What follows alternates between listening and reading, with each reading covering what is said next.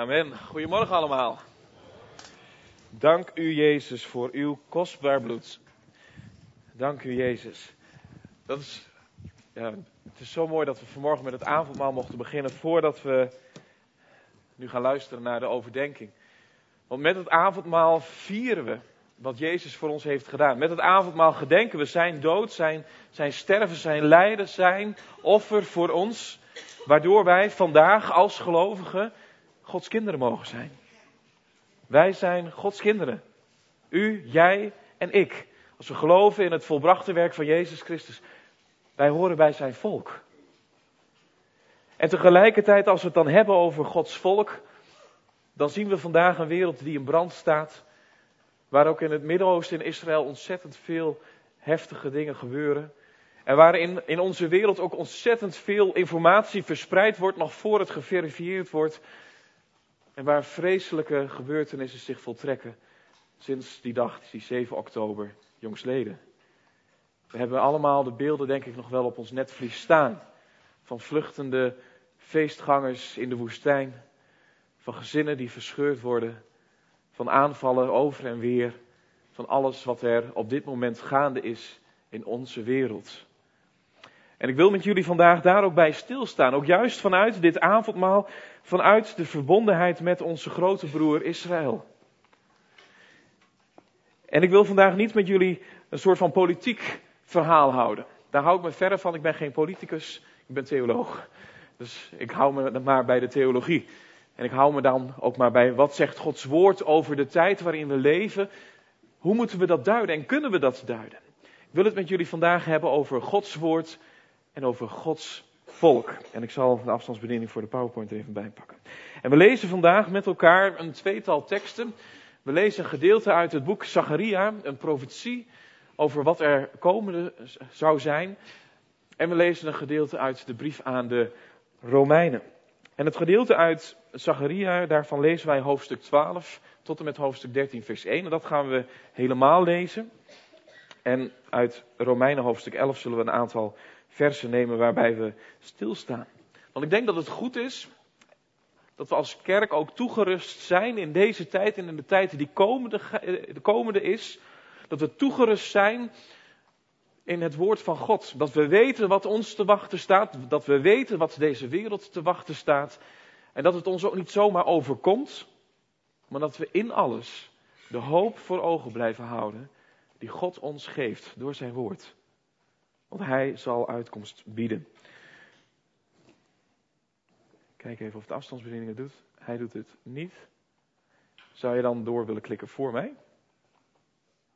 Hij staat aan, zeker. Nou pakt hij hem. Mooi. Zacharia hoofdstuk 12 vanaf vers 1.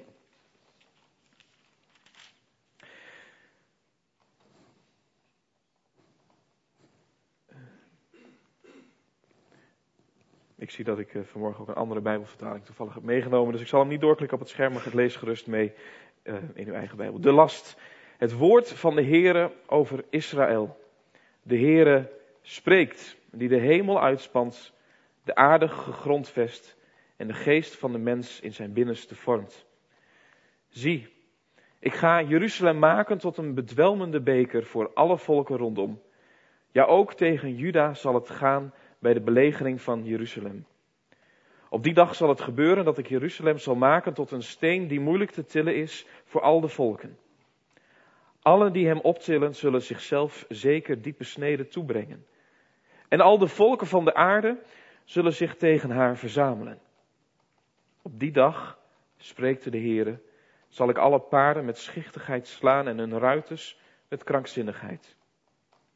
Maar over het huis van Juda zal ik mijn ogen open houden en alle paarden van de volken zal ik met blindheid slaan. Dan zullen de leiders van Juda in hun hart zeggen, de inwoners van Jeruzalem zullen voor mij een bron van kracht zijn door de heren van de legermachten, hun God. Op die dag zal ik de leiders van Juda maken als een vuurbekken in een stapel hout en als een brandende fakkel in een graanschoof. Rechts en links zullen zij al de volken rondom verteren en Jeruzalem zal nog op zijn plaats blijven in Jeruzalem. En de Heere zal de tenten van Juda het eerst verlossen. opdat de luister van het huis van David en de luister van de inwoners van Jeruzalem niet groter zijn dan die van Juda. Op die dag zal de Heere de inwoners van Jeruzalem beschermen. Wie onder hen wankelt, zal op die dag als David zijn. En het huis van David zal zijn als goden, als de engel van de Heere voor hun ogen. Op die dag zal het gebeuren, dat ik alle heidevolken die tegen Jeruzalem oprukken zal, weg, zal willen wegvagen. Maar over het huis van David en over de inwoners van Jeruzalem zal ik de geest van de genade en van de gebeden uitstorten. Zij zullen mij aanschouwen, die zij doorstoken hebben. Zij zullen over hem rouw bedrijven, als met de rouwklacht over een enig kind. En zij zullen over hem bitter klagen, zoals men bitter klaagt over een eerstgeborene. Op die dag zal ik in Jeruzalem de rouwklacht, zal de rouwklacht groot zijn, zoals de rouwklacht van Hadad Rimon in het dal van Megiddo. Het land zal rouw bedrijven. Elk geslacht afzonderlijk. Het geslacht van het huis van David afzonderlijk en hun vrouwen afzonderlijk. Het geslacht van het huis van Nathan afzonderlijk en hun vrouwen afzonderlijk. Het geslacht van het huis van Levi afzonderlijk en hun vrouwen afzonderlijk. Het geslacht van Simei afzonderlijk en hun vrouwen afzonderlijk. Al de overige geslachten, elk geslacht afzonderlijk en hun vrouwen afzonderlijk. Op die dag zal er een bron geopend worden voor het huis van David en voor de inwoners van Jeruzalem tegen de zonde en tegen de onreinheid. Tot zover. Een heel gedeelte, een groot gedeelte. Een profetie van Zacharia.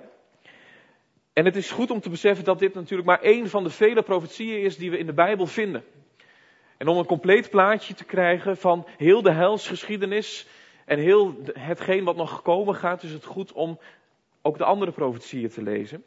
Maar het is al een lange dienst vandaag.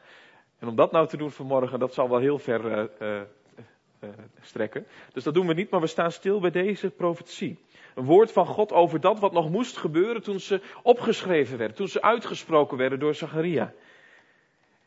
En terugkijkend op de geschiedenis van het Bijbelboek Zacharia en van Zacharia 12, dan dan zien we dat dit hoofdstuk nog nergens in de tijd volledig tot vervulling is gekomen.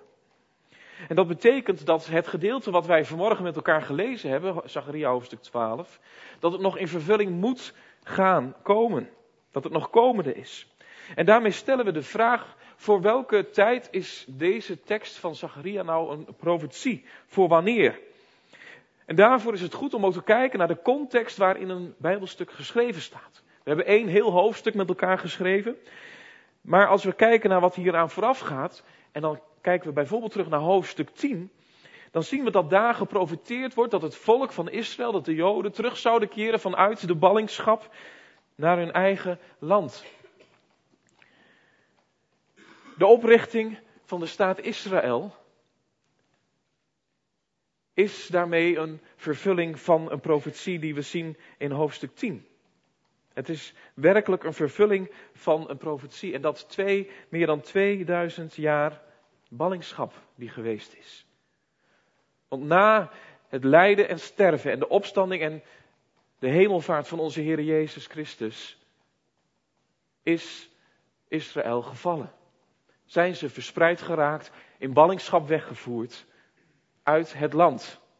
En heeft er bijna 2000 jaar lang een ballingschap geheerst over het volk van Israël. Zonder eigen land, zonder eigen staat. Maar we zien dan gebeuren na de Tweede Wereldoorlog dat de staat Israël weer opgericht wordt. En daarmee een vervulling van Zacharia hoofdstuk 10. En daarna komen we uiteindelijk dus ook uit bij dit hoofdstuk, hoofdstuk 12, wat we met elkaar lazen. Waarbij God Jeruzalem zal stellen tot een beker wijn die de volken zal bedwelmen. Ze zullen niet meer beseffen wat ze doen als het gaat om Israël. Maar, lezen we ook in de tekst, wee de volken die zich aan Jeruzalem zullen vergrijpen. En dat leren we ook van de andere profeten, van de andere profetieën. Dat wanneer volken zich aan Jeruzalem willen vergrijpen, dat hen daarmee ook nog wat te wachten staat. De toorn van God te wachten staat. Vers 3 uit het hoofdstuk dat we lazen, laat het ons ook zien. Wie optrekt tegen Jeruzalem en haar probeert te verwijderen, zal zichzelf verwonden, zal zichzelf snijden. verwonden. God zal ingrijpen. Jeruzalem zal blijven bestaan.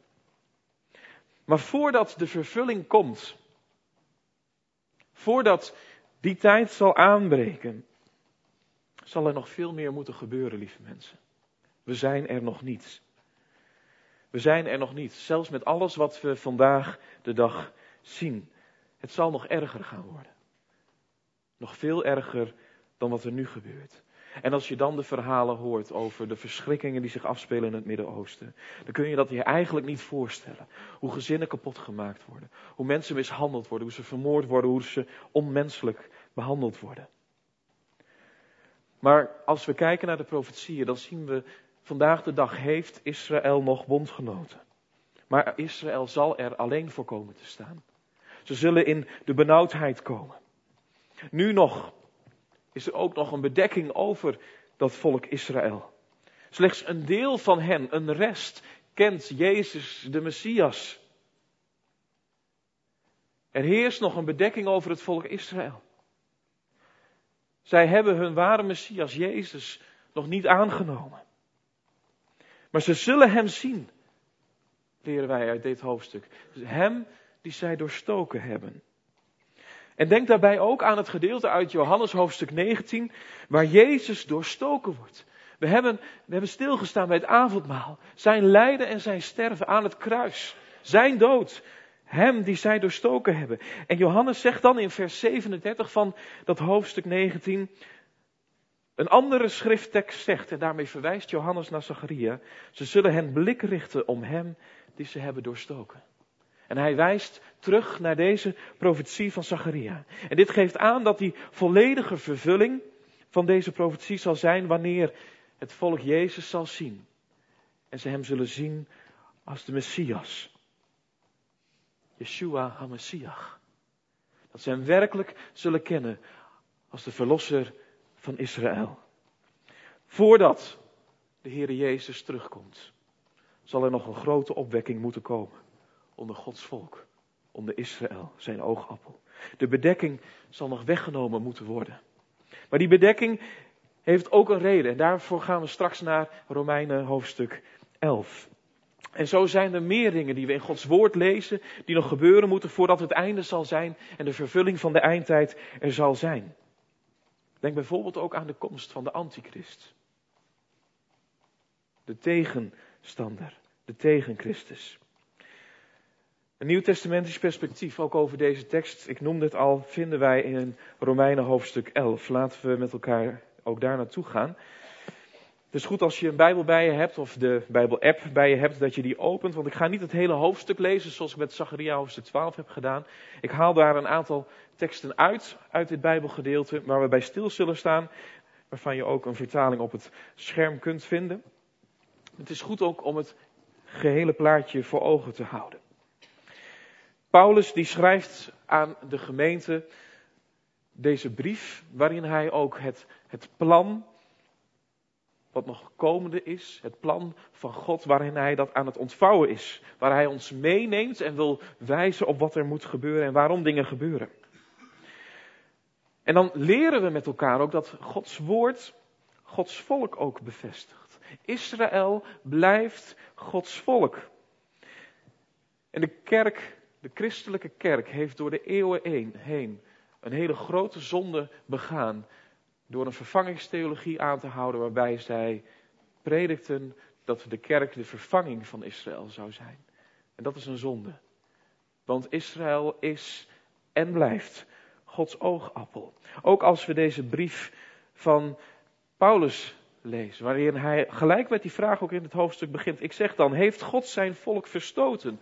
Volstrekt niet. Ik ben immers ook een Israëliet uit het nageslacht van Abraham, van de stam Benjamin. God heeft zijn volk dat hij van tevoren kende niet verstoten. Of weet u niet wat de schrift zegt in de geschiedenis van Elia? Hoe hij God aanspreekt over Israël en zegt, Heere, uw profeten hebben zij gedood en uw altaren afgebroken en ik ben alleen overgebleven. Ook staan ze mij naar het leven. Maar wat zegt het goddelijk antwoord tegen hem? Ik heb voor mijzelf nog 7000 mannen overgelaten die de knie voor het beeld van Baal niet gebogen hebben. Zo is er dan ook in deze tegenwoordige tijd een overblijfsel ontstaan, overeenkomstig de verkiezing van de genade. God heeft zijn volk niet verstoten.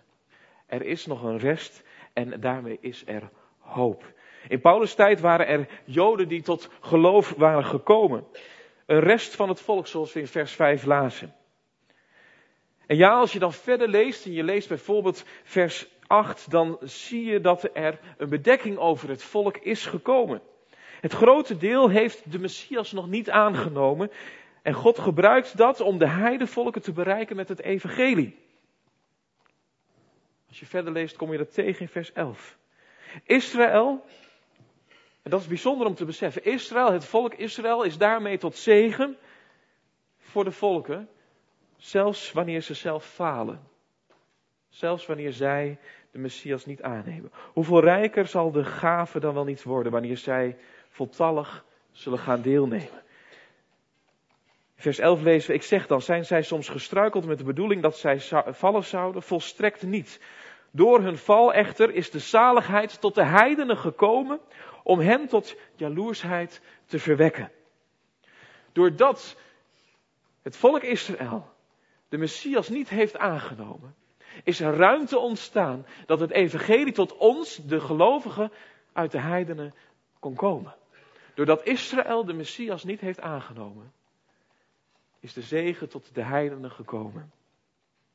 Als dan hun val door de, voor de wereld rijkdom betekent, zegt vers 12, en het feit dat zij achterop komen rijkdom voor de heidenen, hoeveel te meer hun volheid. Wat zal er nog allemaal gaan gebeuren wanneer zij de Messias leren kennen? Paulus wist hoe belangrijk zijn werk was als apostel onder de heidenen, onder de, de niet-Joden. Omdat hij hoopt om jaloezie op te wekken bij zijn medebroeders en zusters in het Joodse volk. Zodat ze gaan zien wie de weg, de waarheid en het leven is. En dan vervolgt Paulus met een stuk beeldspraak vanaf vers 16. Dan gaat hij spreken over, over die bekende olijfboom. En vaak zeggen wij dan, wij zijn geënt op de olijfboom. Wij als gelovigen uit de heiden. En daarmee absoluut, dat is waar. Maar wat we vaak denken is dat we dan geënt zijn op het volk Israël. Maar als je kijkt naar die olijfboom, wat of wie is de wortel? Dat is de Heer Jezus zelf. Hij is de basis van de olijfboom. En vanuit die olijfboom komen takken. En die olijfboom heeft tamme takken. En die tamme takken, dat is Gods oogappel. Dat zijn de Joden, dat is het Joodse volk. Maar wat we ook zien in deze beeldspraak is dat er sommige van deze tamme takken zijn gesnoeid, zijn weggenomen. En daarmee zien we de verwerping van de Messias. Maar die tamme takken, het Joodse volk, zijn niet zomaar weggesnoeid. Om er niet meer toe te doen. Maar doordat zij zijn weggesnoeid, is er ruimte ontstaan voor de wilde takken om geënt te worden op de olijfboom. En zo mogen wij onderdeel worden van Gods volk, van zijn plan, van zijn koninkrijk. Worden we geënt op de olijfboom. Het feit dat de tamme takken zijn gesnoeid, is voor ons genade. Is voor ons zodat wij erbij mogen horen. En wij zijn door geloof alleen toegetreden tot die olijfboom. Paulus waarschuwt ons dan ook om ons niet beter te voelen dan de tamme takken van de edele olijfboom, het volk Israël. Want het is genade en genade alleen dat we erbij mogen horen. Daar mogen we dankbaar voor zijn. En dat mag het avondmaal nog dieper maken. Dat je vanuit dankbaarheid je uitstrekt naar de Heere God en zegt, Heere dank u wel dat u zoveel van ons mensen hield. Dat wij door genade alleen en door het offer van Jezus Christus erbij mogen horen. En dat maakt ons ook nederig omdat we weten dat er nog een plan is, ook met die afgesnoeide wilde of tamme takken. Met het volk Israël. Het is genade dat wij erbij horen. En we mogen realiseren dat, dat we een heilige God dienen. Een liefdevolle, heilige, rechtvaardige God die niet met zich laat spotten. En waarvan het volk Israël zijn oogappel blijft. God is bij machten om het ongelovige Israël, die nog niet de Messias heeft aangenomen, opnieuw te enten op de olijfboom. Zo lezen we ook in Romeinen hoofdstuk 11. En Paulus deelt dan in vers 25 en verder een geheim. Het moest in Gods heilplan zo zijn dat een deel van het volk van Israël onbuigzaam werd. En dat blijft zo totdat de andere volken zijn toegetreden. En dan zal heel Israël worden gered. De redder zal uit Sion komen en wentelt dan de schuld af van Jacobs nageslacht. Lezen we vers 26. De redder zal uit Sion komen. Wij kennen de redder. Jezus Christus. En wij verwachten zijn wederkomst. En daar willen we ons naar uitstrekken. Daar willen we voor bidden. Maar we zien hier ook iets van die opdracht. Van die grote opdracht. Zodat de volken mogen toetreden. En uiteindelijk ook Israël de Messias mag leren kennen. Omwille van ons zijn ze tegenover God eigenlijk komen te staan. Door het evangelie af te wijzen. Maar toch blijven zij Gods geliefden. Omwille van de aartsvaderen. Want hij is de God van Abraham, Isaac en Jacob. Hij heeft zijn volk uitgekozen. En God heeft geen foutje gemaakt toen hij zijn volk uitkoos. Ze zijn en blijven Gods geliefden. Ondanks de keuzes die ze misschien zelf maken. Zoals u, zegt Paulus, God eens ongehoorzaam was. Maar door hun ongehoorzaamheid, het volk Israël, nu Gods barmhartigheid heeft ondervonden. Zo zijn ook zij nu ongehoorzaam. Om door de barmhartigheid die u, die jij hebt ondervonden, Gods genade, Gods liefde, ook zelf barmhartigheid te ondervinden. Het verhaal draait zich om en de genade zal ook weer richting Israël gaan. Nu snap je ook hopelijk waarom Israël en Jeruzalem zo belangrijk zijn op het wereldtoneel. Ook vandaag de dag. Ook in 2023 en de jaren die nog komen. Dat kleine landje. En dat kleine stadje Jeruzalem. Het is Satan er alles aan gelegen om het van deze aardbodem weg te vegen. Het is Satan er alles om te doen om het volk Israël uit te roeien. En keer op keer probeert hij het. Genocide op genocide. Maar het land is er nog. Jeruzalem is er nog. En het volk Israël is er nog. Het volk is er. Weet je waarom het Satan er alles aan gelegenheid is om Israël te verwijderen uit deze wereld? Want als je Gods volk wist, dan is het heel makkelijk om hun God te wissen, te vergeten. Maar het feit is dat het Joodse volk tot op de dag van vandaag bestaat. En daarin laat God zien wie Hij is. Dat Hij trouw is. Dat Hij zijn verbond vasthoudt. En dat Hij zijn volk vasthoudt. Het feit dat Israël er vandaag nog steeds is, mag ons bemoedigen dat er een toekomst van hoop is, waarin God zal ingrijpen. En dat Jezus Christus terug zal komen, zodat ook zij die Hem doorstoken hebben, Hem zullen zien. Er komt een tijd van verandering. Er komt een tijd dat de olijfboom hersteld wordt. Het volk is er nog steeds. Ik wil gaan afronden en samenvatten. En daarvoor heb ik een aantal plaatjes die dat ondersteunen. We zien als eerste die olijfboom. De wereld waarin we zijn staat in brand. Als je kijkt naar hoe de uitroeiing van het volk Israël vandaag de dag op de wereldsteden van onze wereld verheerlijkt wordt. Door de leus From the river to the sea, Palestine will be free. Dat is een acclamatie, het is een uitschreeuw naar een genocide van een volledig volk. Dan worden wij als kerk opgeroepen om oog te hebben voor die olijfboom. Die haar wortels heeft in Christus Jezus. Gods familie. En dan worden wij opgeroepen om oog te hebben, te midden van een wereld die in brand staat, voor onze grote broer Israël. Deze wereld staat in brand. Het is al voorzegd. We lezen het in een boek dat al duizenden jaren oud is. En het is voorzegd dat het nog veel erger zal gaan worden. We leven in de weeën. En die zullen steeds heftiger gaan worden.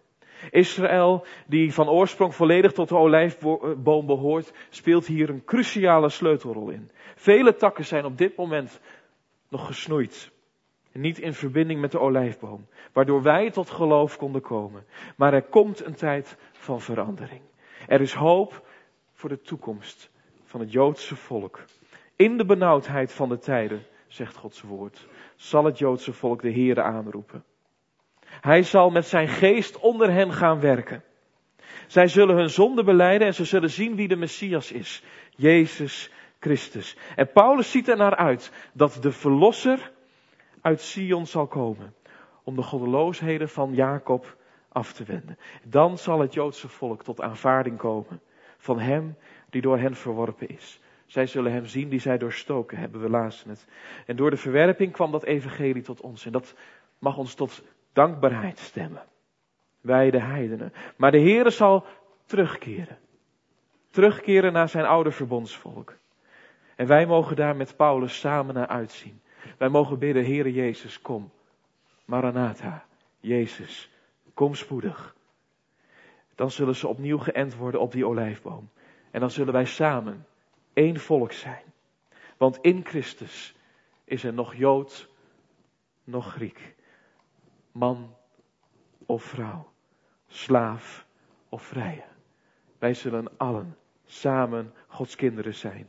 Wanneer we in Christus zijn. Jezus de Messias.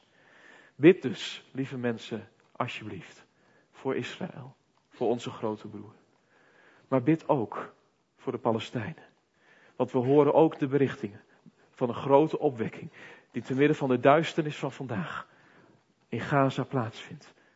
Van honderden Palestijnen die Jezus in dromen zien. Die de Messias ontmoeten.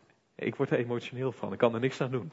Als je in deze duisternis, met deze aanslagen, met dit onrecht wat er gebeurt in deze wereld, met de haat die gezaaid is, al zo van jongs af aan, dan de Joodse Messias mag ontmoeten. Wauw. God werkt. Zijn geest gaat rond. In Gaza is de kerk vertegenwoordigd door enkele honderden christenen. Als we dan berichten horen dat er vandaag de dag honderden christenen bijkomen, dan is dat niet niks. Dan is dat gigantisch. Laten wij ook voor hen bidden. Bid voor de werking van het evangelie van Jezus Christus. Bid voor troost, bid voor kracht. Bid voor Gods volk. Amen.